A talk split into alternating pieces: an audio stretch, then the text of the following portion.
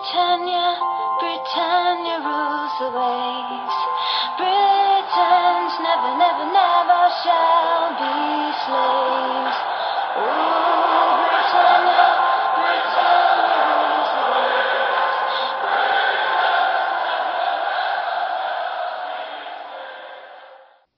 Hej och välkomna till avsnitt 180 utav Svenska FPL-podden.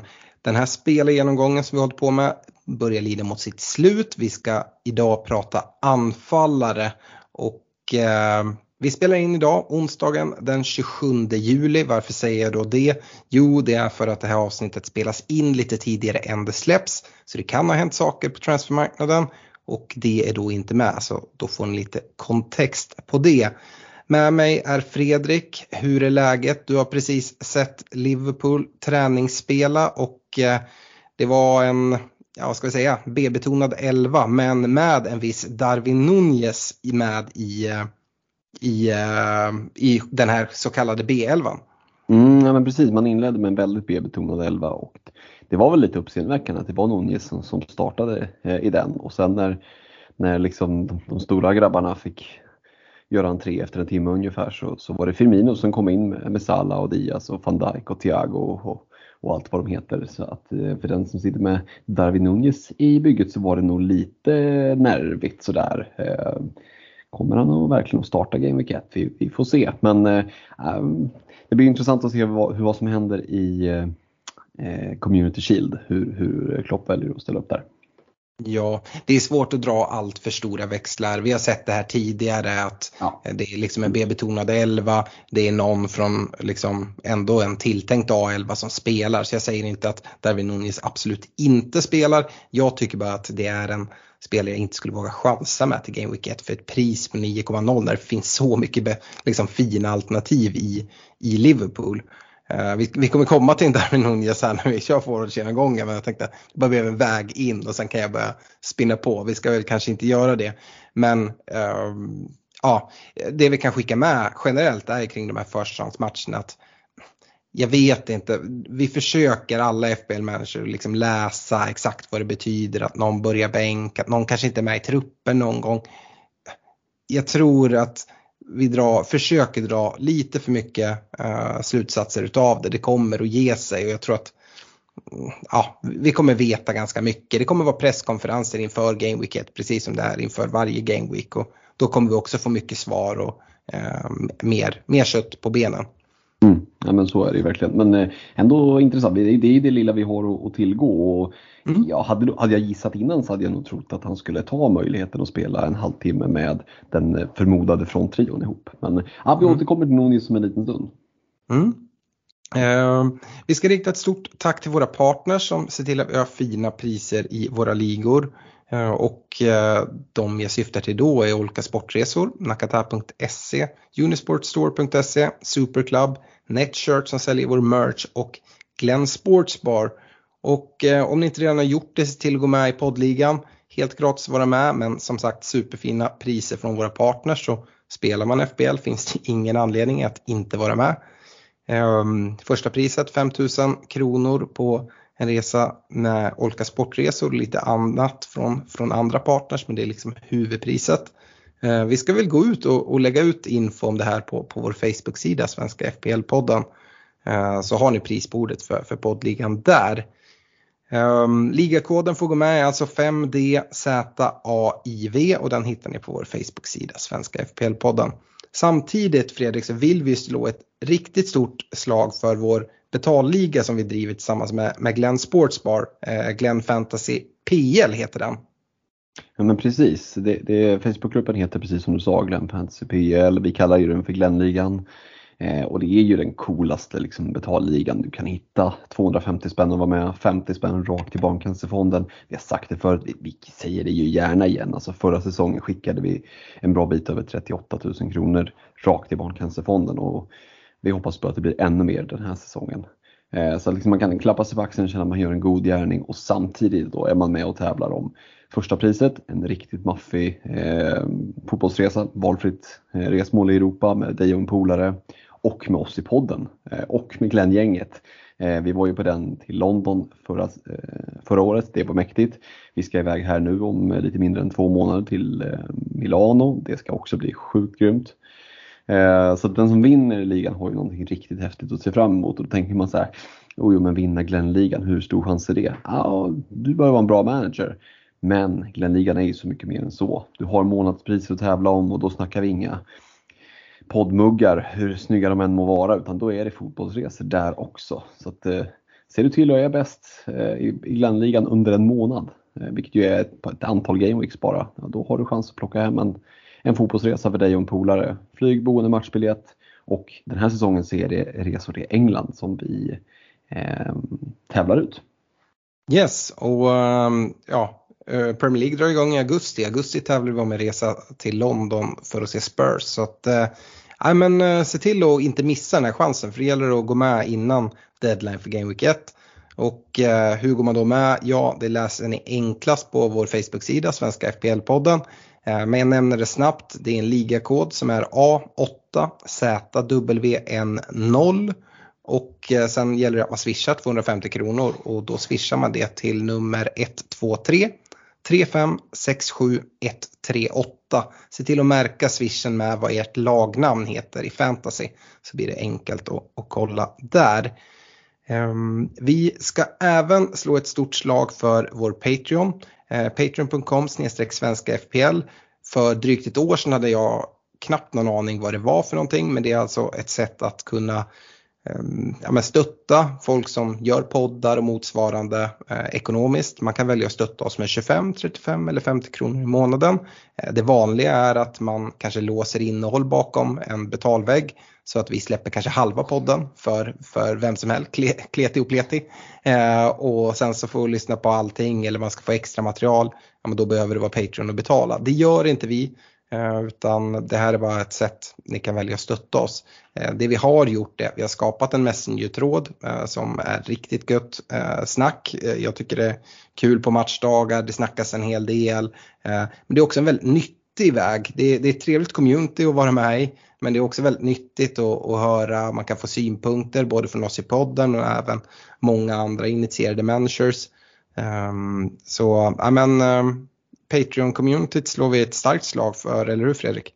Ja men verkligen så. Vi, det har ju växt sig, växt sig väldigt stort och, och, när vi spelar in det här då är det 199 stycken. Vi har sagt att vi ska göra en helsikes utlottning när vi når 200 och det kommer vi ju såklart att hålla. Vi har redan lovat ut en utlottning av ett Superclub-brädspel till eh, någon av er som, som är, ser till att vara Patreon innan deadline för Game Week 1.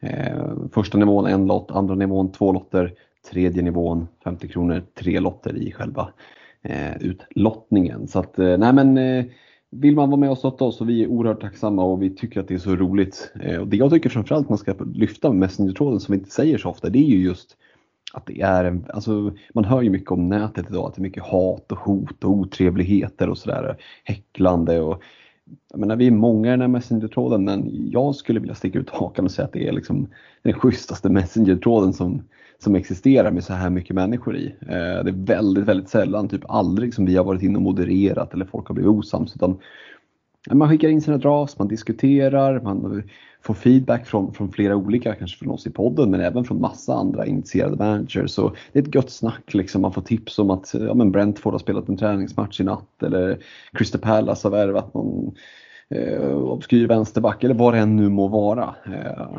att Vinagre är klar för Everton såg jag i Patreon-tråden här innan vi klev in i inspelningen. Bara en sån sak. Precis, och Vinagre han får stå lite åt sidan nu när vi ska prata anfallare ändå. Och vi ska göra precis som vi har gjort med de andra avsnitten när vi har pratat målvakter, försvarare, mittfältare. Har ni missat något av de avsnitten, gå tillbaka och lyssna på dem tycker jag. Men nu är det fokus anfallare och vi kommer att börja, precis som vanligt, uppifrån och ner. börjar man på premiumnivån då kommer vi kanske få stanna där ett tag för att här är väl liksom den stora knäckfrågan för många. Vissa väljer att gå utan helt men många går på en premiumanfallare. Vissa går med båda. Men om vi säger premiumanfallare då är det ju Kane och Haaland vi pratar om Fredrik. 11,5 kostar de båda. I'm Sandra, and I'm just the professional your small business was looking for. But you didn't hire me because you didn't use LinkedIn jobs. LinkedIn has professionals you can't find anywhere else, including those who aren't actively looking for a new job but might be open to the perfect role, like me. In a given month, over 70% of LinkedIn users don't visit other leading job sites. So if you're not looking on LinkedIn, you'll miss out on great candidates like Sandra. Start hiring professionals like a professional. Post your free job on linkedin.com/people today. Ja, de gör ju det. Samma pris, definitivt inte samma TSB. Eh, ja, det, det här kommer ju att vara det som, som eh, jag är ganska övertygad om att det kommer, det kommer skilja i, i leverans första säg, tre gameweeksen. Eh, och det kommer att avgöra om man ligger liksom med i toppen eller inte. Så att gå utan helt, det, det känns ju som, då har man ju verkligen eh, spelat märkligt skulle jag säga. För att, att man ska ha en av Haaland och Kane, för mig känns det ganska givet. Mm. Det är ju också många som, som kollar på att ha båda bara för att liksom slippa, liksom, slippa valet på något sätt. Men det blir ofta med någon form av uppoffring och det har vi varit, varit inne på tidigare att nästan oavsett vad man ser för draft så är det någonting man tycker så här, ja fast den här spelaren eller ah, det är en svag bänk eller liksom så här icke-spelande bänk mer eller mindre. Eller ja, någon spelare i elvan som man inte gillar och har gått tunt i försvaret. Ja men så kollar man man har både Kane och Haaland där fram. Eller, jag har ju sagt det tidigare, jag, jag, jag tror ju väldigt mycket på, på två premiumspelare för att kunna switcha binden mellan två premiumspelare från två olika lag. Um, och jag tycker att Salah ska vara den ena. Och då hamnar man där, men då är det antingen om man ska ha en premiumforward i Kane eller Haaland eller om man ska ha Son eller De Bruyne kanske på, på mitten. Eh, och jag, jag, jag kollar ju verkligen mot en, en premiumanfallare. Um, mm. ja, det blir ju mer balans i bygget med, med att ha en premium i varje lagdel av de två offensiva. Eh, så det är väl att föredra om man inte har en enorm känsla för Son eller De Bruyne, då ska man såklart gå på det. Men man bör också vara medveten om att gå utan Kane och Haaland risken är rätt stor att det kommer att straffa sig. Sen är ju Haalands TSP på 58,2. Mm. Ja, så det, mm. ja, vi kanske kommer återkomma till det. Men det, det, det, är märkligt att det skiljer så mycket mellan dem. Jag tycker att Haaland och Kane, det är ju mer eller mindre ett coin flip. Vi, här känns det ju verkligen eh, som att eh, liksom, Community Shield kommer att avgöra mycket. Eh, jag sitter ju med, med Haaland i mitt bygge i min draft i dagsläget men jag vill ju se mm, i alla fall 65-70 minuter mot, mot Liverpool. Eh, och att han ser het ut. Annars kommer han ju inte vara i, i bygget i Game och jag sitter med Harry Kane. Mm. Uh, ja, men det känns den här höga TSBn på Holland. Såklart, det beror på fler saker. Han är en fantastisk fotbollsspelare, trots att han är norrman.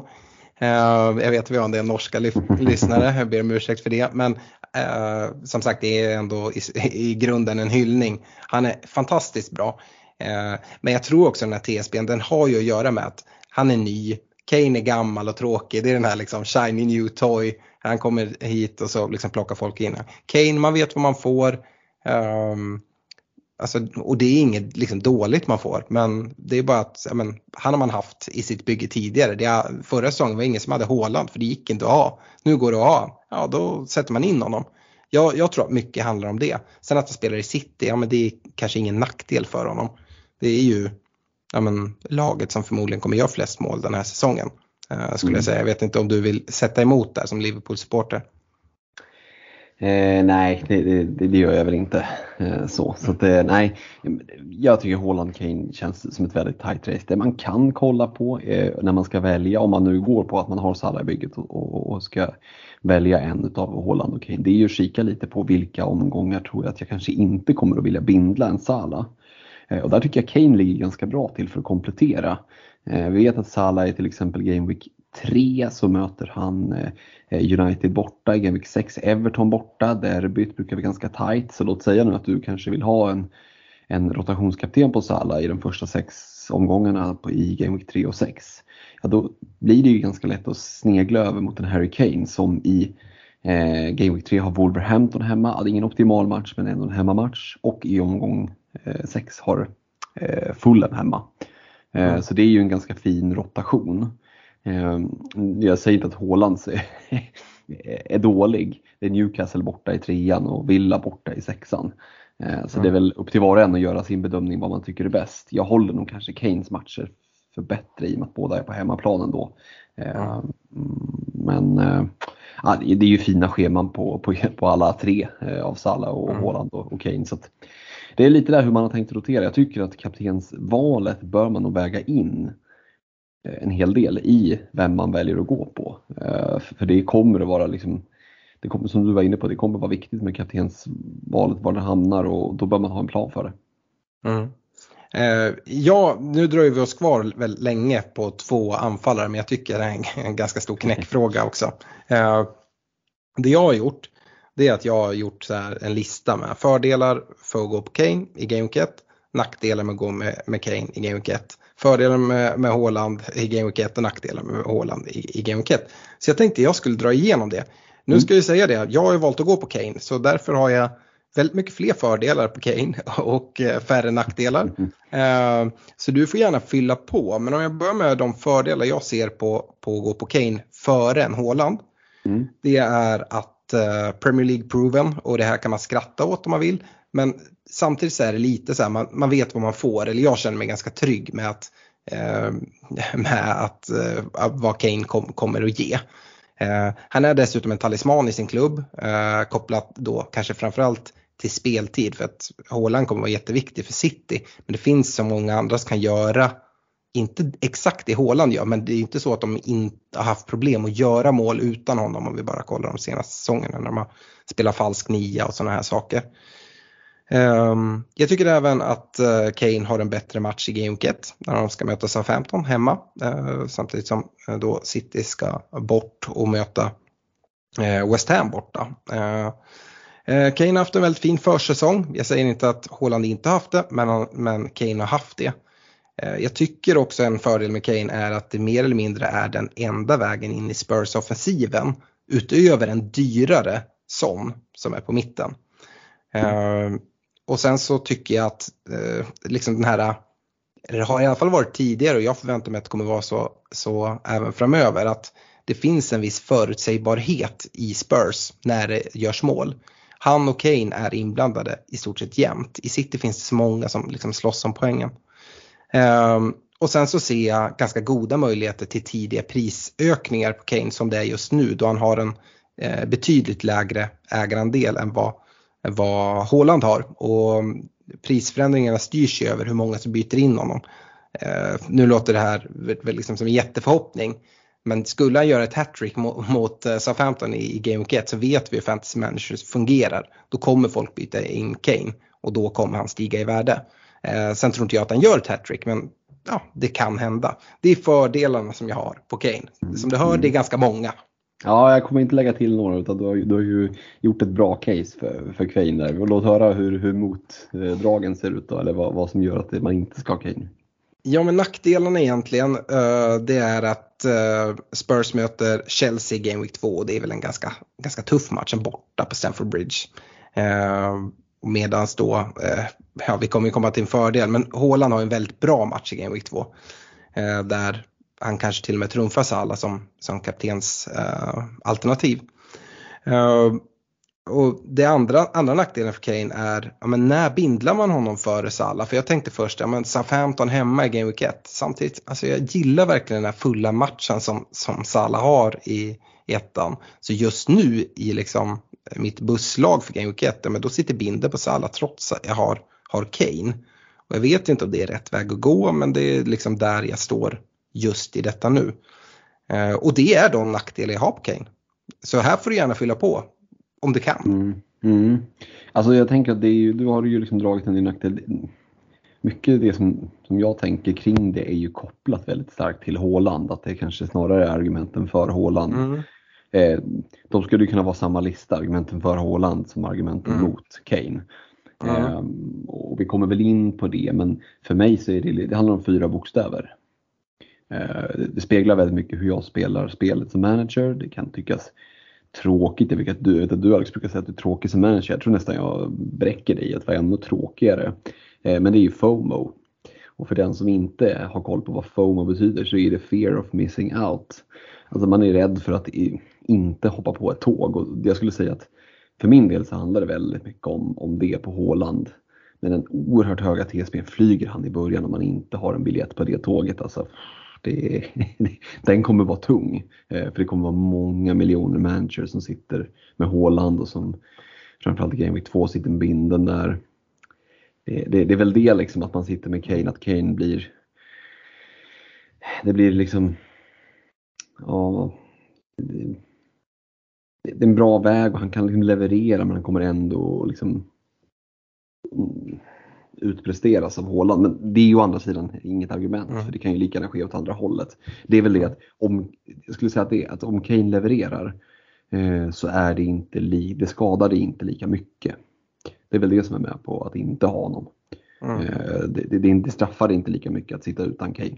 Eh, för som du säger du själv att det, det kommer sitta mycket bindlar på Salah även bland de som har Kane. De som sitter Salah Håland kommer, kommer ju förmodligen att bindla Håland i Game Week 2. Eh, och, och sitta helt utan Håland då, ja då är det dubbla Håland-poäng som du går upp emot. Så det, det, är väl just det jag kan se framförallt, mm. att, att det talar för Håland. Men du kanske mm. kommer in på det i din eh, pro-lista på, på Håland? Ja, nej men du kommer få hjälpa mig att lägga till fördelar för jag har ungefär lika många fördelar på Håland som jag har nackdelar på Kane och det var inte speciellt många som du hörde. Mm. Men fördelarna för Håland är ju, och också vad jag ser när jag kollar Twitter, många liksom skriver, ja men det är Bournemouth för Game Week 2. Eh, men, men, vad ska han göra då? Alltså, han kommer inte göra fem mål mot Bournemouth för Game Week 2. Alltså, jag tror inte jag kommer få käka upp det. Uh, och ja men han gör ett hattrick då, ja absolut han får del poäng. Eh, jag kommer ha binden på en Sala i Game Week 2 eh, förmodligen. Eh, möter Crystal Palace, men det är hemmapremiären. Jag tror de kommer vara supertaggade. Visst, Crystal Palace visade upp bra försvarsegenskaper förra säsongen, framförallt på hemmaplan. Men mot ett Liverpool, alltså, jag, jag känner inte så att jag är liksom livrädd för att liksom sätta binder på Salah i en sån match. Um, så men, men fördel för Håland då, då med, med Bournemouth för Game Week 2, absolut. Uh, det tycker jag är en bättre match än, Pallas hemma. Uh, den andra mm. fördelen för Håland är att han spelar i ett bättre lag än vad Kane gör. Så han kommer få liksom mer mer leverans. Eh, Pep har sagt att liksom, fokus kommer vara att få bollen till Håland och då är han liksom en klinisk av, avslutare. Och det, det är väl liksom en fördel med Håland, absolut. Jag har inte skrivit med den här men det, det är obvious. Liksom, han är en mm. jättebra fotbollsspelare. Eh, så att han kommer göra poäng det är jag inte det minsta orolig för. Eh, och det vill jag verkligen säga i den här diskussionen. Nu låter det liksom, hör jag på mig själv att jag bara, men det här är, ingen, det här är no-brainer. Eh, det är Kane man ska gå på. Det tycker ju inte ens jag. Eh, men jag tycker det är jättekonstigt. Eh, jag tycker konstigt att inte Kane har, har högre ägarandel än vad Håland har faktiskt. Mm, mm. Kan du känna någonting om den här FOMOn, att om du går helt utan Håland, att du känner att om han flyger och låt säga att Kane blänkar, att det är risken att man liksom tappar rejält i början? Ja, men det skulle lika gärna kunna vara tvärtom skulle jag vilja säga och nästan så jag ser att det, chansen är större att den är tvärtom. Att mm. Håland inte ens spelar mot Bournemouth för Game Week 2. För det kommer ju komma till nackdelarna. Eh, just med liksom hans försäsong och skadehistorik och sådana saker. Eh, och, och då de nackdelarna som jag har kommit till det är att han är ny till ligan. Uh, och det har vi sett tidigare, vi har inte sett eh, just eh, uh, Håland komma till ligan. Och vi såg även exempel som motbevisar det här med Kulusevski och Diaz som kom in i januari och bara gjorde det jättebra eh, direkt. Men vi har fler exempel på där det inte riktigt har blivit lika bra. Vi har också en Pep som har, ja, men det har tagit lite tid att få in spelare i, i Peps sätt att spela fotboll. Så jag tycker att det är en nackdel som är värd att ta upp att han är ny till ligan. Mm. Eh, det behöver inte vara en nackdel men det är någonting som ska läggas i den vågskålen i alla fall. Eh, han har haft extremt lite försäsong med nya klubben. Uh, och de, de spelar bara två stycken försäsongsmatcher. Varav en var han inte med i. Och den andra spelade han en halvlek. Gjorde han? Mm. Mm. Mm. Gjorde mål förvisso jättebra. Och så har vi en Charity Shield-match också som man kanske kan räkna in lite i försäsong. men den är lite mer än en försäsongsmatch ändå skulle jag säga. Ja, det blir ju genrepet och det, den blir, jag var inne på det från början, det blir ju väldigt avgörande eh, skulle jag säga. Att han mm. ser redo ut där, för får vi se liksom en halvtimme eller en halvlek eller att han inte startar en sån match, då känns det ju väldigt liksom, vanskligt att, att lägga 11,5 mm. där.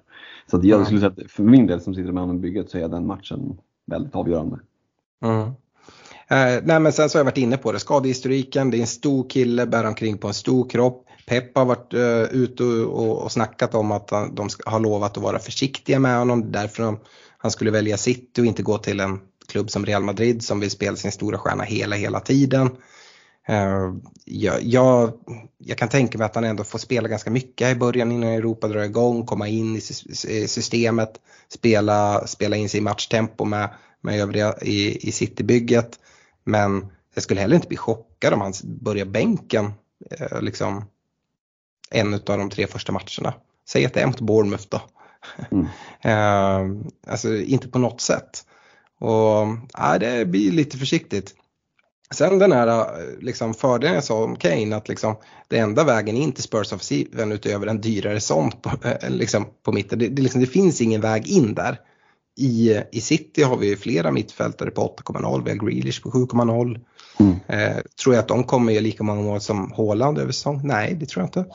Tror jag att de kan täcka lite grann? Ja, kanske. Mm. Um, så det finns liksom alternativ där och det är väl liksom de nackdel. Det är ingen nackdel för, för Haaland men alltså i valet när man står om man ska välja Kane eller Haaland så tycker jag, för jag ser många som då, eh, ja men som du är inne på i ditt lag, som inte har Kane och som inte har valt att ha en sån på mitten. Ja, men de sitter mm. utan Spurs. Kollar man Spurs matcher, vill man gå utan Spurs? Nej, det vill man nog inte. Så är det ju.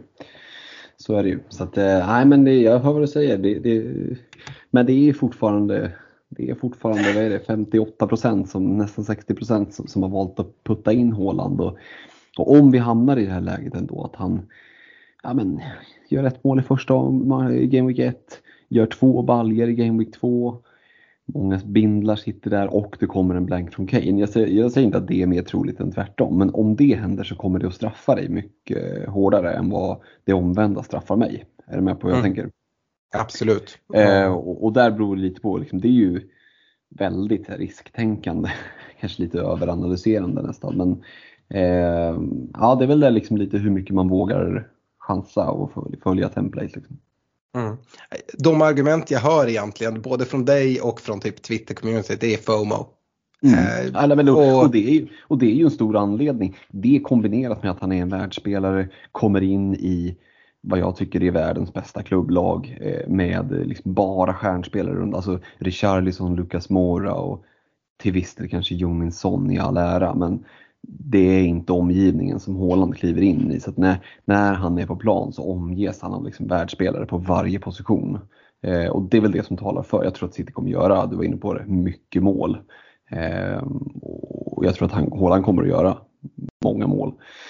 Så att, även om han kanske inte spelar, även om avplockade 65 får göra ett inhopp i liksom 62 eh, sådär. Så det är väl det som är, det är liksom i stor kombination med FOMON. Mm. Men eh, vi får ja. se som sagt. Jag, jag återupprepar det beroende lite på när ni lyssnar på det här. Men eh, Community Shield-matchen känns väldigt viktig eh, i och med att den kommer där veckan, en vecka innan liksom, premiären. Mm. Ja, den är väl viktig för de som, som har gått på Håland skulle jag säga. Det förändrar ju egentligen ingenting kopplat till Kane. Um, och jag, jag, jag känner verkligen superstarkt för Kane. Och med det sagt innan vi går vidare nu. Håland är ett jättebra val. Eh, men jag har verkligen landat i att jag, jag tycker att eh, det är en mycket, mycket större risk. Även om du säger liksom risken så. Så det är en större risk att gå på Håland ändå skulle jag vilja säga. Även om ja, ägarandelen ser ut som den gör. Mm. Mm. Ja, det, ehm. många managers kommer ju ställas inför valet och det är ju det är roligt att trots att vi finns ett ganska starkt template-lag att det ändå finns lite val att göra. Mm. Och det är ju folk som går utan både Kane och Haaland eh, ska ju sägas.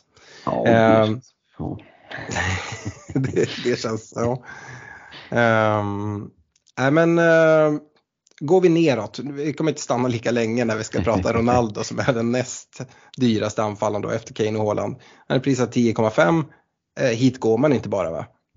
Nej, just det. Speciellt inte så länge han är i United. Jag vet inte om han går till Chelsea. Det känns ju fortfarande inte som någon som är aktiv för, för Game Week 1. Nu känns väl Chelsea-spåret lite kallare där men, men eh, jag vet inte om låt säga att han går till Chelsea, tror du att han skulle kunna bli ett alternativ på sikt in i säsongen? Nej, men han kan vara ett alternativ även i United om han stannar eh, på sikt. Mm. Alltså högsta nivån på Ronaldo, absolut. Men jag tycker det finns nu, om vi lägger fokus på Game Week 1, ja, men, alltså jag är United-fan, men det spelar ingen roll hur, liksom, vilken fanboy du är utav Ronaldo eller, eller United eller så. Han, han bör inte vara med i ett fantasylag. Uh, han kommer också göra mål under säsongen om han spelar i United och liksom får speltid och så. Uh, men nej, alltså som fantasymänniska hoppas man ju bara att Ronaldo ska lämna för att då finns flera intressanta United-alternativ eh, mm. som blir mer attraktiva skulle jag säga. Ja, och lite gäller väl samma sak om vi kliver ett snäpp ner ytterligare till 9,5 till Jamie Wardy. Eh, mm. man, man har inte de pengarna att lägga liksom. Nej, alltså jag, jag, och där, men Vardy tycker jag ändå är mer intressant än Ronaldo. Jag hade inte startat med honom i Game Week 1 men jag tycker han känns ändå mer, mer aktuell. Uh, han sjunker ytterligare i pris nu. Han levererar ju jämnt. Leicester ska inte spela i Europa, vilket jag tror är jättepositivt för Vardy. Um, alltså att Vardy kommer göra mål den här säsongen, det ser jag som självklart. Vi har sett Brendan Rodgers tidigare när han inte haft Europaspel, hur positivt det har varit för honom. Vi har en Madison som har sett bättre ut än någonsin som kommer servera honom. Ehm, jag tror att Leicester kommer göra en betydligt bättre säsong i år ehm, och jag tror att Vardy kommer pumpa in bollar. Men från Game Week 1 så finns det liksom ingen plats för honom bara. Sen är det väl lite där, liksom risk med skador och så. Han började dra på sig mm. lite skador förra säsongen. Han blir ju äldre. Ja. Eh, det finns en Iheanacho och en Daka bakom där. Så att, eh, vi får väl se vad speltiden blir. Men som du är inne på, det blir ju inget i Europa så att han borde väl kunna ha bra chans att spela. Men det är klart det är mycket veckomgångar eh, och då är frågan, kommer han att spela liksom söndag, onsdag, söndag? Och det vill man ju nästan ha av någon som kostar 9,5 och jag, jag tror mm. att han kanske kommer att roteras lite och då tycker jag att prislappen är, även fast han sjunker i pris, lite hög faktiskt. Men som sagt, mm. det är ju inte the game we get så det är ju liksom wait and see. Han kanske spelar 38 matcher, vad vet jag. Eh, mm. Han får överbevisa mig.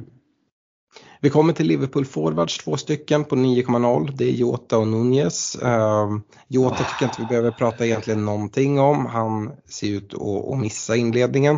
Uh, mm. Nunez har ju fått en hel del kärlek kopplat till försäsongen. Han gjorde fyra mål i en match. Eh, mm. Men, eller på en halvlek ska vi väl säga. Men alltså jag, varningsflagga här från mig, verkligen. Eh, jag säger inte att han inte kommer göra några mål under den här säsongen. Så att eh, ni behöver liksom inte söka upp mig och skriva ah, det ser du, Nunez gör mål under säsong. Ja, det kommer han säkert göra. Eh, men lite de här argumenten som jag hade på, på Håland. Och här skulle jag verkligen vilja förstärka dem för att Nunez är inte lika bra som Håland. Eh, och det säger jag inte bara för att han, han spelar i Liverpool och röd tröja. Eh, alltså, nej, Nunez är inte lika bra som Håland. Eh, det tror jag de flesta eh, med objektiva glasögon kan säga. Eh, och eh, nej, alltså ja, jag lämnar över ordet till dig istället för du säga om någon ja. Ja, men till att börja med så tycker jag det är jättetråkigt att de har felprisat både Jota och Nunez. Eh, båda borde ha kostat 8,0 till att börja med. Eh, speciellt när man satte Diaz på 8,0 som fältare. Liksom. Eh, Jesus, alltså, vi kommer ju till 8,0-anfallarna sen också. De hade gjort sig bra på en 8,0. Det hade inte förändrat någonting för min del till Game Week 1. Eh, varken Jota eller en skadad Jota eller liksom en, en Nunez som man inte vet om han är liksom, han kommer definitivt inte spela 90 minuter i Game Week 1, 2 liksom. Eh, så det hade inte förändrat någonting för Game Week 1 men det hade kunnat liksom pendla lite lättare under säsong. Speciellt när många sitter med en Jesus i bygget att det var lättare att växla över. Det kommer vara helt typ omöjligt, inte omöjligt, men det kommer vara väldigt svårt att växla in någon utav Jota och Darwin. Eh, liksom, på 9,0, jag är jättebesviken på, på den prissättningen. Jag tycker det är tråkigt också för det hade varit kul vi har ju levt med en eh, Roberto Firmino som har varit liksom, ja men, en nia som har passat väldigt bra i Kloppsbygge men han har ju aldrig varit en striker som har passat i FBL. Liksom. Uh, och nu får vi in en David Nunez som ändå är en liten annan typ av spelare som kan bli en, liksom, en målmaskin, det vet vi. Det har han potential att bli. Men uh, nej, det, jag, känner, jag tycker det är tråkigt att, att Jota och Nunez har hamnat liksom helt off the grid, för det är så det känns. Det är bara liksom, jaha, 9,0 och så kollar vi vidare neråt. Ja, eh, och vi kommer hoppa förbi 8,5 man för det är bara Richarlison. Han är avstängd Game Week 1. Uh, ingen vet riktigt vad han har för roll. Ska han vara en backup till Kane och Son eller ska de spela innan till höger istället för Kulusevski? Ja, det här är verkligen ingen man startar säsongen med och sen får man utvärdera lite längre fram och se hur, hur Spurs kommer spela och vilken roll han kommer ha där. Mm. Ja, men så, däremot har jag hittat en spelare på 8,0 som vi kliver ner ytterligare 0,5. Det är ju Gabriel Jesus. Honom är det nog ingen annan som har sett. Eh. Nej, det är en riktig sån uh, undangömd spelare. Är konstigt att ingen har hittat Han spelade i City förra året och värvad av Arsenal nu. Nej, uh, skämt åsido, det är spelets mest ägda spelare och ja. han sitter i mitt bygge så jag kan liksom inte jag kan liksom inte vara på det för mycket men jag tycker han är för högt ägd. Jag vet inte hur man ska vad man ska säga när man har han i sitt, självby i sitt eget bygge men ändå tycker han är för högt ägd. Hej, jag Ryan Reynolds. Recently, I asked Mint Mobiles legal team if big wireless companies are allowed to raise prices due to inflation. They said yes. And then when I asked if raising prices technically violates those onerous two-year contracts, they said, what the f*** are you talking about, you insane Hollywood ass?"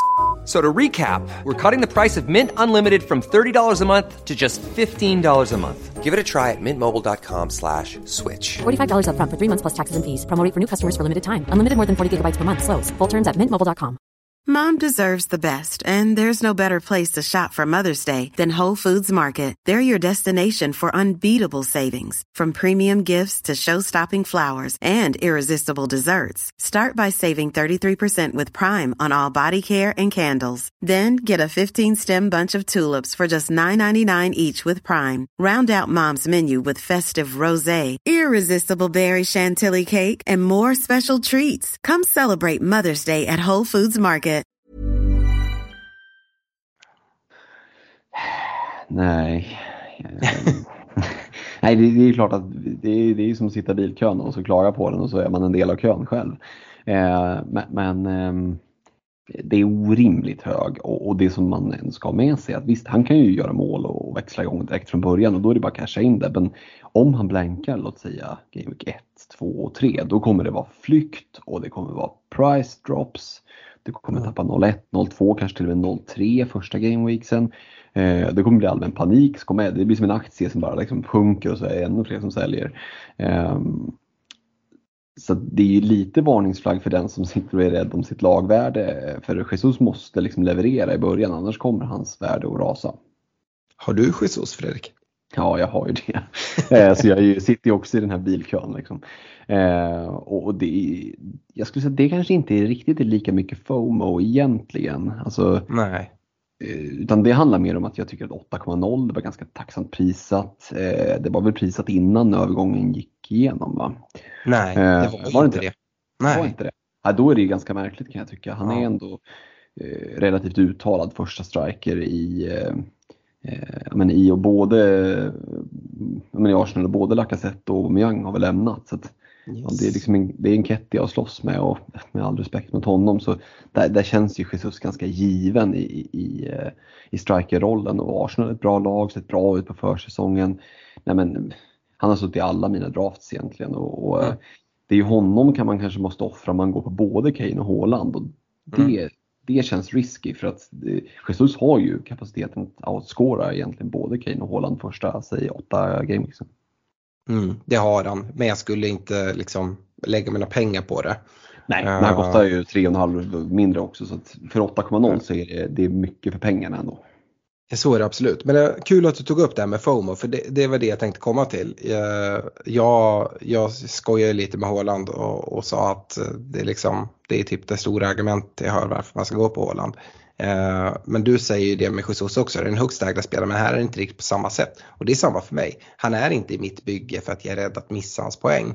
Det är bara, jag tycker att han är helt felprisad och jag tycker man får väldigt mycket värde för honom. Dessutom, absolut han kan sjunka i värde och jag ser det nästan som troligt att han kommer göra det. Han behöver ju i stort sett göra mål i Game Week 1 för att eh, vi vet det finns många otåliga människor. Sitter i, i 60% av alla lag, ja men då kommer folk byta ut honom om man inte gör poäng i första, första omgången. Och då sjunker han i värde. Um, men det tror jag man får ta bara. Jag tror han kommer stiga i värde sen när han gör mål. Uh, för då kommer de som bytt ut honom, de som är så otåliga, då vill de ha poängen. Det finns så många som jagar det. Uh, och jag ser det som ett ganska långsiktigt val i, i i Jesus. Eh, jag tror att han ligger, ligger, ligger väldigt bra till. Eh, och det finns spelare att fly till. Eh, han är en ganska skön prisnivå om man nu skulle vilja lämna den.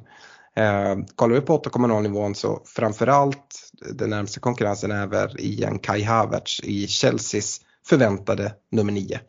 Mm. Ja men precis, både Werner och Havertz är ju prisade 8,0 och där tror vi ju ändå att det är Havertz som, som lite som falsk nia ska in och, och, röra runt. Men jämför man försäsongerna där så är det ju som dag och natt. Det är ju en kanonförsäsong på, på Arsenal och Jesus och Chelsea. Där känns det som att Torshäll mest är ute och pratar om att de inte är redo och att allt är kaos och folk vill därifrån och det är hej och hå, de vill ha Kondé men han går till ett Barca som inte har några pengar. Det, det är bara liksom stök och bök och just nu känns det som att vill man ens ha några Chelsea-spelare överhuvudtaget. Eh, så att, eh, det känns ju inte aktuellt inför en Game Week 1 men på sikt kan det absolut bli en Havertz för 8,0 skulle mitt i säsongen där när vi efter ett VM eller sådär kunna vara högaktuell. Mm. Uh, du nämnde Werner 8,0, Firmino kostar också 8,0. Ingenting man går mot. Vi har en Calvert Lewin kostar 8,0 uh, och det är inte heller någon man börjar Game Week 1 med. Men samtidigt, jag var rätt intresserad av att se vad han skulle landa in på för pris den här säsongen. Jag hade hoppats att de skulle sänka honom lite. Uh, det gjorde de inte. Richarlison har lämnat. Eh, vi får se vad det betyder men det, det med säkerhet betyder det att eh, Carrot Lewin kommer ta straffarna igen. Eh, jag säger inte att man börjar där för det tycker jag verkligen inte man ska göra men jag har ändå lite på min watchlist. Är jag knasig där eller? Nej men det tycker jag inte. Alltså, vi, vi ska inte glömma vad, vad Calvert Lewin har levererat. Han har ju varit en oerhört pålitlig målskytt innan skadorna började komma. Så att, eh, kan, kan han få snurr på Everton och, och att de inte kämpar ner i botten utan de har ju en hel del individuellt bra spelare. Eh, nu ryktas det om en eh, Dwight McNeil från Burnley, tror jag skulle kunna funka mycket bra.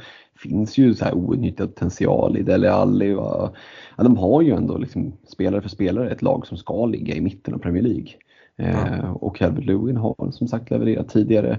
det är ingen du klickar in i Game Week 1 men låt säga att Jesus som har varit skadad förut, mm. drar något knä eller någonting eh, lagom eh, efter VM eller så, så, där, så, så skulle Calvert Lewin också kunna vara, men som du säger på watchlisten, det kostar ingenting att ha honom mm. Nej. Uh, men ska man fly från en 8,0 anfallare för att sjunker i pris då får man kolla neråt och 7,5 segmentet har vi en del spelare. Vi har mm. bland annat en Callum Wilson i Newcastle som kanske är den som är mest intressant om jag skulle kolla mot någon i den priskategorin för Game Week 1. Eh, ja men alltså 7,5 är ju en sån där, det är nästan lite av min favoritpriskategori. Det är någonting som eh, märkligt nog hänger sig kvar från förra säsongen. Visst var det inför förra säsongen som man kände så här, men jag kan starta med 3 7 5 ehm, Och så visade det sig att de floppade och blev skadade allihopa. Det var väl Antonio som gjorde mål i, ett mål i första tre gameweeksen och sen så sket det sig. Ehm, men, men den är ju ett spännande, för det, det, man ser ju ändå eh, den här potentialen och jag tycker att 7,5 prissegmentet för anfallare det är ju för lite av talismanspelarna i mellanlagen. Wilson, då Bamford, då Watkins, Antonio. Det är ju liksom verkligen de här main strikers i mittengängen. Eh, och där finns det ju, vi har sett Bamford gjort en riktigt bra säsong, vi har sett Antonio göra en bra säsong. Jag flaggar lite för att Ollie Watkins, som nu har gjort ett par säsonger i Premier League, skulle kunna få en riktig islossning. Eh, alltså, han sitter också på watchlisten för min del. Eh, du nämner en Callum Wilson. Ja, Newcastle har ju ett sånt där schema som är lite upp och ner. Eh, men han är ju en spelare som, som kan göra mål även mot, mot bra lag. Mm. Det är synd att han har knän och glas så det är ju väldigt vanskligt att ha honom i bygget men jag har sett honom i en del draft så han kan mycket väl inleda första fem gameweeksen med tre baljer och då är det bara att gratulera till dem som har gått dit. Varför blir jag inte förvånad när du börjar flagga upp Watkins? Steven Gerrard är manager i Aston Villa. Alltså Matty Cash han är, det är ju spelets bästa försvarare. Watkins här på, på, som anfallare kan, kan absolut se han vinna skytteligan. Uh, inte riktigt skytteligan. Men, nej, nej, men Villa, Villa är fina alltså. Det... Ja, Ja, jag vet inte. Eh, ja, men det man kan säga där om de övriga då, eller framförallt eh, Bamford tycker jag eh, ska bli spännande. Vi får se lite, också verkligen wait and see. Eh, Rafinha har lämnat, vad kommer det betyda? Samtidigt har värvats en hel del i, i Leeds. Eh, Bamford lät ha straffar. Ehm, ja, wait and see. Calvert Lewin, alltså det är lite samma lika där skulle jag säga. Eh, Antonio, där skulle jag verkligen vilja flagga upp att när vi går ner på 7,0 nivån för Skamacka är ju klar eh, för, för West Ham. Eh, hur är det tänkt att, att fungera? Skamacka känns ju verkligen som en, en nia. Eh, Antonio har vi sett tidigare, han kan ju spela, spela ytterback. Eh, det kommer han nog inte göra men kan de liksom trycka ut honom på en kant eller ska han spela med två forwards eller vad, vad tänker du kring, kring West Ham situationen? Ja, det ska bli väldigt spännande att se honom. Han kommer väl från Sassuolo jag inte, ska erkänna att jag inte sett jättemycket av honom. Eh, frågan är hur mycket West Ham har sett av honom. De lyckades ju stava hans namn fel i, i liksom player revealen så det var väl lite pinsamt.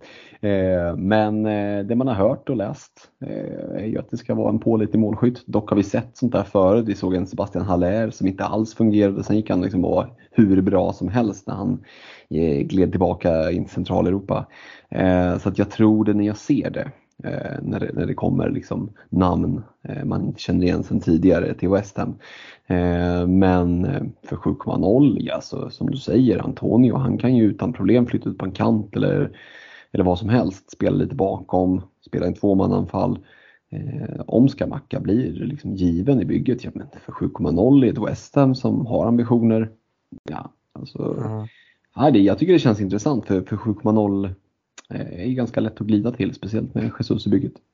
Ja, men eh, Skamacka där, du, du jämför han lite med Haller, eller liksom man har sett folk som kommer in. Eh, mm. han, han gick till, till Holland och vräker in mål. Holländska ligan och försvarsspel jämfört med italienska ligan och försvarsspel skulle hålla Serie A som en rätt bra defensiv liga. Samtidigt ska Macka göra 16 mål i ett Sassuolo. Mm. Uh, Sassuolo är ett sådär lag. Han ser till att de ändå kommer 11 uh, här nu senaste säsongen. 16 mål på vad är det, 31 matcher tror jag han gjorde. Mm. Uh, jag tycker det är ganska uh, imponerande. Sen så det är det är en annan typ av försvarsspel än i Premier League. Uh, ska komma till en ny liga. Alltså just italienare komma till Premier League. Vi har sett engelsmän gå, gå till um, gå till Italien. Det är, det är, inte riktigt samma fotboll. Uh, så att, verkligen wait and see men uh, ja, ändå spännande. Ja och som sagt det kostar ingenting att ha en på watchlisten och det, det skulle bli väldigt spännande att se. Ja men åtminstone fram till första wildcardet där eh, och utvärdera mm. lite om det kan vara någon. Eh, annars är ju 7,0 liksom verkligen sådär.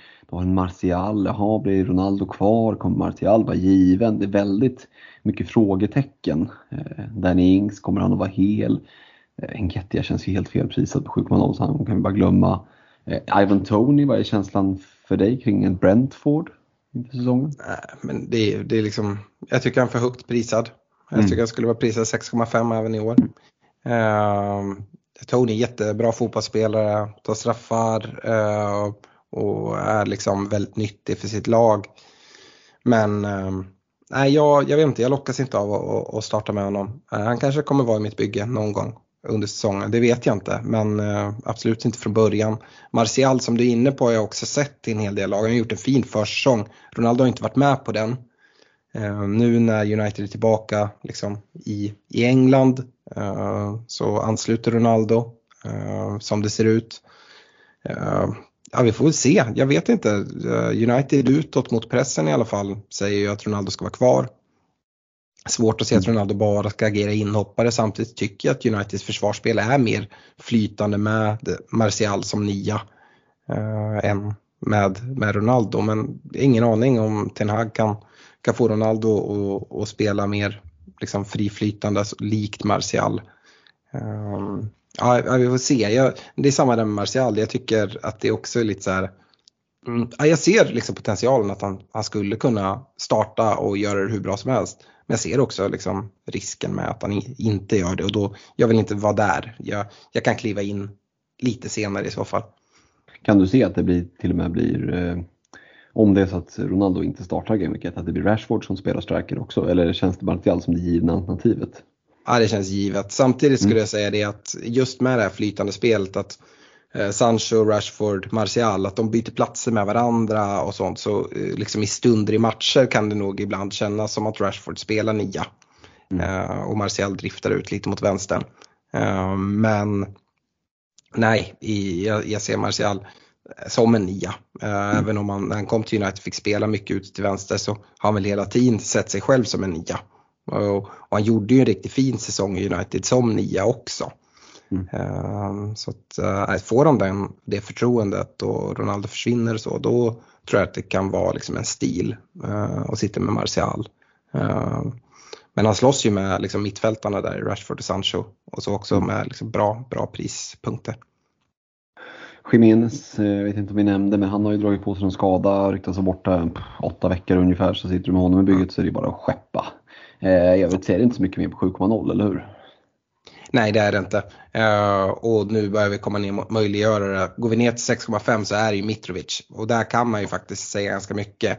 Uh, jag var jättesugen på honom uh, innan spelschemat släpptes och sen så konstaterade jag väl att ah, uh, jag behöver inte ha en Game 1 men det är en spelare jag är helt säker på kommer komma in i mitt bygge. Mm. Och det kommer vara kanske en spelare jag kommer svära över. Jag var var spela fantasy ett tag, kommer ihåg sist han var uppe och så. Mm. Men jag tror att det är ett annat Fulham som är uppe. Inte att de på något sätt kommer, kommer göra succé i, i ligan och placera sig på övre halvan. Eh, jag, jag tror tyvärr att för Fulham-fansen att det blir liksom en kortvarig sejour.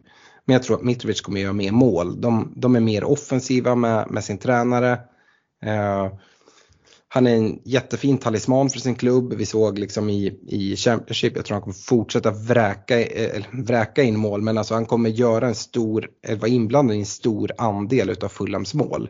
Mm. Och eh, oavsett om Fulham åker ut eller inte, det är väl inte helt, helt omöjligt att, att uh, Fulham ändå gör en 35-40 mål på en säsong.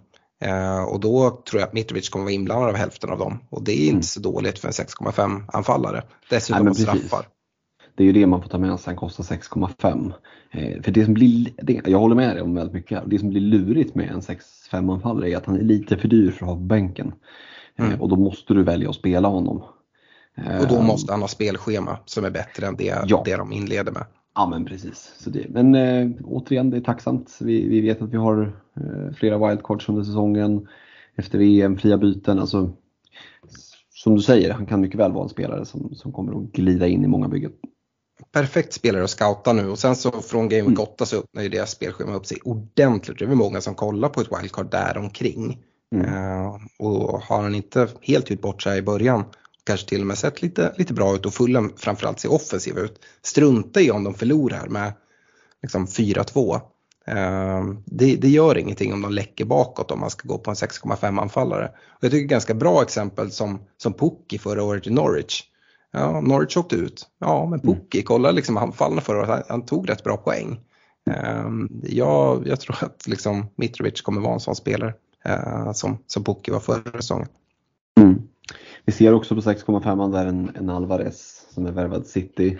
Eh, vi mm. tror väl att han kommer att, att nöta bänken en hel del men vi vet inte ja. vad som händer med skador. Jag har ganska dålig koll på den Alvarez, alltså vad han är tänkt att spela. Jag vet inte om du har bättre liksom kläm på vad som tanken är med honom. Men eh, där känns det också som att man får se, är det så att det ens blir något inhopp eller är det tanken att han ska eh, peta en Mares eller? Ja, det är väl det Pep tänker med alla spelare, att de ska peta Mahrez. eh, nej, nej, men jag, jag ska inte eh, säga att jag liksom har järnkoll på honom på något sätt. Men det är en spelare som vad jag förstår kan utgå från en kant, men som egentligen är en nia. Det är Jesus, skulle jag säga. Mm. Eh, och det var därför Jesus lämnade tror jag. Eh, mm. De bytte ut. Eh, eh, och det blir spännande, men det är liksom, nej, det, det, det, finns inte ens. Jag hade inte ens tänkt att vi skulle prata om honom. Mm. Nu, nu nämnde vi honom lite kort. Däremot om man går ner på 6,0 så har vi typ en motsvarighet till, till Mitrovic i en annan nykomling i Bournemouth i Solanke. Som, som du säkert har koll på eh, med Liverpool-koppling. Jajamän. Eh, och han ser liknande som Mitrovic. När Bournemouth får bra spelschema, eh, vilket de inte har i början, verkligen inte, så därför är han inte aktuell. Men så kommer Solanke vara inblandad i ungefär 50% av Bournemouths mål under säsongen, skulle inte förvåna mig. Um, och ja, är det liksom en 20-25 uh, goal involvement på en säsong eh, för en anfallare för 6,0. Ja, jag tar det. Mm. det som jag förstår att han är priset eh, ett snäpp under eh, Mitrovic. Mitrovic eh, har ju ändå känt på Premier League ett par gånger tidigare. Det har Solanka, han gjorde något inhopp i Liverpool och sådär men, men där känns det som att Mitrovic har eh, lite mer kännedom om vad det är han kommer till. För Solanka gjorde det bra i Championship, nu är det lite upp till bevis i Premier League. Eh, mm. Det ska bli väldigt spännande som, som du nämnde, han är ju en gammal Liverpool-talang så det ska bli väldigt spännande att se honom i Premier League. Jag är inte helt övertygad om att han kommer gå in och, och göra 15 baljer eh, så, men han får gärna överbevisa mig. Bournemouth har väl sämst spelschema också. De möter Villa, City, Arsenal, Liverpool i de första fyra. Eh, men då har de liksom städat av det. För sen från liksom Game Week 5 och framåt, ja men då får du liksom leta ner till Game Week 17. Då de liksom, mm. Eller Game Week 14 möter de Spurs hemma. Game Week 17 möter de Chelsea borta. Så att alltså, ja, då har de liksom långt bra spelschema. Och det, jag, jag kan absolut se mig att hamna på Solanke då. Eh, men mm. ja, det är också väldigt mycket som kan göra att jag absolut inte kommer gå dit. Men mm. ja, han, han, ska ändå finnas med där. Mm. Vi har ju fler 6,0 anfallare, absolut. Eh, kan vi stanna till hos de andra eh, nykomlingarna som vi inte pratat någonting om här i anfallsavsnittet på, hos Nottingham Forest. De har ju mm. också gjort en värvning. Eh, också en gammal Liverpool-bekantning. Okej, okay, då kanske du sett uttalet eller? Eh, Taiwo Avonji. Eh, Awoniji har jag hört. Eh, ja. Jag vet inte om det, det är korrekt. Men eh, 15 mål på 31 framträdanden i Union Berlin förra, eh, förra säsongen. Eh, ja, alltså. Ja, det, att det är en bra spelare, ja men det, det tror jag absolut att det är. Kommer han ja, vräka in mål för Forest? Äh, tveksamt. Men han kan nog göra mål. Men det är lite vänta och se. Han har ju en lekkamrat i Johnson också. Eh, som spelade där förra säsongen. Men som eh, de spelar ju med tvåmannaanfall. Uh, och jag tror att Jesse Lingard kommer spela bakom som tia och liksom komma i djupet. Så jag kanske tror, han är också prisad 6,0, nu är inte det mittfältsavsnitt, men han kommer nog kunna komma där i djupledslöpningar och kanske vara mer intressant än de här anfallarna om, om liksom jag ska gissa. Ja, och där är väl lite grejen just att de är två anfallare. Ska de börja dela på de få, på det lilla liksom, brödet som blir i form av mål, då blir det inte så mycket. Liksom. Eh, grejen med, med nykomlingar, då vill man ha den här talismanen, man vill ha en Mitrovic, en Solanke som, som är inblandad i typ 50% av allt som händer. Eh, mm. Man har liksom inte råd att ta brödsmulor av, av något som inte ens är en limpa. Liksom, utan det, eh, för mig känns det ganska så svalt faktiskt. Jag tror att Nottingham kommer få det tufft. Mm. Så. Trots Messi Lingard i laget? Trots Messi Lingard, det ska bli väldigt kul att se honom dock. Men, eh, eh, ja, det, det, är roligt att Forest är uppe. Det är ett gammalt klassiskt lag för oss anglofiler liksom, som, som gillar engelsk fotboll och så. Men ska man vara krass och, och så, så tror jag att det blir tufft för dem. Mm. 5,5 eh, prisnivån så har det ju varit en del snack om, om Brightons Undav. Mm. Eh, jag vet inte, har du järnkoll? Kollar du mycket belgiska ligan? det, det, det är sådär med min, min koll på Vad heter den? Jupiter League, heter den inte det? ja, det, ja, du hör ju hur det är. Eh, jag såg bara, läste någonting, det tror jag var i, Twitter, i vår Messenger-tråd, eh, någonting om att han hade spelat en halvlek och varit förbannad och sådär. Så att, ah, det, det återstår väl att se vad, vad det är för typ. Eh, det är ingen som jag kommer att inleda med, även om Brighton har ett helt okej schema första åtta matcherna. Ny i klubben, kommer han att liksom få spela direkt? Han skulle lika gärna kunna inleda bänk känner jag. Eh, så att, nej, jag, jag håller mig borta. På, på, samma sätt som han är helt ointressant för mig för Game Week 1 så är det en spelare som jag inte vill att vi ska sitta och skratta åt. För att eh, nej, det är en spelare som jag absolut kan se mig. Det, det, finns väldigt lite att välja på i den här kategorin när man kommer ner på de här pengarna på anfallssidan. Um, som ni har hört på, ja, såklart på försvarssidan men även på, på mittfältssidan så finns det några här. Eh, här finns det inte så mycket men, men Undav kan, jag tror att han kommer ta en, en plats men jag tror inte han kommer inleda där. I belgiska ligan gjorde han imponerande 25 plus 10 på 33 matcher. Visst, belgiska ligan men det krävs ändå någonting för att liksom plocka fram sådana siffror. Um, och det är väl det man har sagt om Brighton länge att de verkligen skulle behöva någon, inte Mopay liksom, eller Welbeck utan någon som bara sätter dit bollarna. Är ond av det? Jag vet inte, men kanske. Eh, så ja, jag tycker här är också en spelare som jag verkligen har på min watchlist. Men han kommer definitivt inte vara med i Game Week 1 för mig. Mm. Är det någon Um, annan där på 5,5 som du tycker är värd att nämna eller? Alltså det är Brocha kanske. Mm. Han spelar, i- spelar i Chelsea eh, nu. Eh, och var ju utlånad förra året till SA-15. Eh, följa lite vad som händer. Eh, kan ju vara så att han hamnar i någon annan klubb än Chelsea och då kan det ju bli jätteintressant. Eh, och i Chelsea skulle det ju kunna bli intressant. Jag har ingen aning men det ser ganska tunt ut där på, på forwardsplatsen. Jag tror att eh, Tuchel ser, ha, ser Werner som, som en vinge snarare än en nummer nio.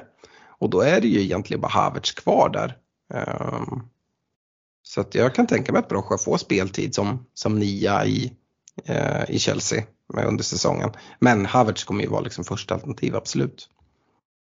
Ja, Eh, Men vad som händer under säsong, Havertz skadar sig, vem vet liksom. Eh, Ja. Sen har vi Pallas striken, de har lagt alla här. Och det är för att man inte har en aning vem det är liksom som kommer spela. Uh, Benteke, Mateta, Edward. Ehm, nej, jag, jag tycker inte man går dit riktigt. Ehm, det är också att de kommer inte få 90 minuter. Utan de kommer byta av varandra och vem som startar den ena veckan och vem startar nästa. Nej, det, jag tycker det är lite för stökigt. Eh, Mm. för Nej, nej, jag håller med. Det, det, och speciellt nu med fem byten också så känns det som att där Mm. kommer det att, att bytas friskt. Yes. ehm, går vi ner på 5,0 finns det bara tre spelare och ingen är intressant. Så jag, jag vill inte ens stanna upp vid, vid 5,0 kategorin. Jag tycker inte det finns någon anledning att gå dit. 4,5 däremot kommer ju folk liksom plocka spelare ifrån eh, och sätta längst ut på kvisten. Eh, Tycker du man ska tänka på något speciellt när man väljer 4,5 anfallare? Ja men absolut, det, det finns ju ett par viktiga eh, delar. Dels att inte ta någon från ett lag som du, som jag var inne på tidigare, som du ens har en möjlighet att, att eh, vilja ha tre spelare från. Det är alltså ganska korkat att ta Scarlett i Tottenham. Nej, från början vill du inte ha henne, men det skulle kunna landa i att du vill ha in Perisic och, och så kanske du redan sitter med Kane och så ska han ta upp din tredje plats och så visar det sig att Eh, vad fan vet jag, Jed Spence eh, är den nya liksom, Matt Doherty för, från tre, fyra säsonger sedan. Jag vet inte. Eh, det känns dumt bara när det finns liksom 4-5 från ja, Leeds eller Villa eller sådär. Men i övrigt så, jag vet inte. Greenwood verkar poppis i Leeds. Jag såg att eh, Jesse March var ute och pratade om honom. Eh, att han var oerhört sån kom- liksom, kunde spela på typ vilken position som helst. Eh, jag vet inte riktigt om det stärker hans aktier. 25% verkar tycka det. Eh, men nej, jag vet inte. Jag tror inte Du- någon du, kommer att spela. Du nämnde att man inte ska välja, välja eh, Scarlett från Spurs nu för att man kan få tre. Men du nämner ändå att välj någon från Villa. Du, du startar väl med tre från Villa Fredrik?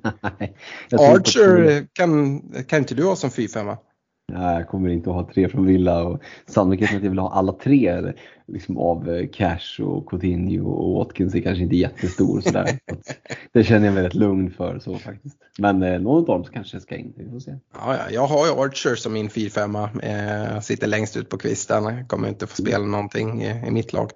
Eh, uh, I mean, eh, Greenwood är ju den mest populära och han kommer säkert få mest speltid utav de här uh, 4,5 Men hur mycket speltid kommer han få? Ja, inte så mycket. Ägarandel på, men han är tredje mest ägda forward i spelet. Han är mer ägd än Kane. Eh, Där, där finns det ju risk för price drop, att folk liksom tror att han ska få spela och sen så, så kliver många ifrån och det är bara onödigt att dra den till 4,4 liksom. Ja, alltså jag tror alltså alla som har honom har honom längst ut på kvisten. Så att försöka ta någon som ändå har speltid, men jag tror inte du behöver ha det. Eh, så det är bättre att ta någon, någon annan med lägre ägarandel eh, skulle jag säga. Men ja, det, där får man göra som man vill. Det är ganska, jag tycker det, är en liten skitgrej. Men eh, och skulle man ha han längst ut på kvisten och han droppar priset, men det gör ju inget för jag ska ändå inte sälja honom. Jag kommer nog sitta med en, jag, tror jag, ska jag säga. Men jag tror jag kommer sitta med en fy- 4,5 anfallare hela säsongen. Tror du det? Ja, det, det tror jag. Ja, jag Ja. tänker att någon mid-price-anfallare kan flyga och låt säga att en premium flyger, eh, Jesus vägrar ge sig att bara verkligen bolla men det kommer en mid-price-anfallare och flyger. Då kan vi sitta där med tre man anfall.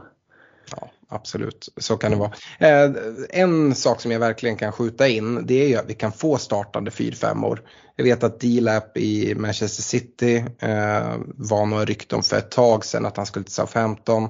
Eh, det hände väl inte men ofta de här lånen kan också komma ganska sent.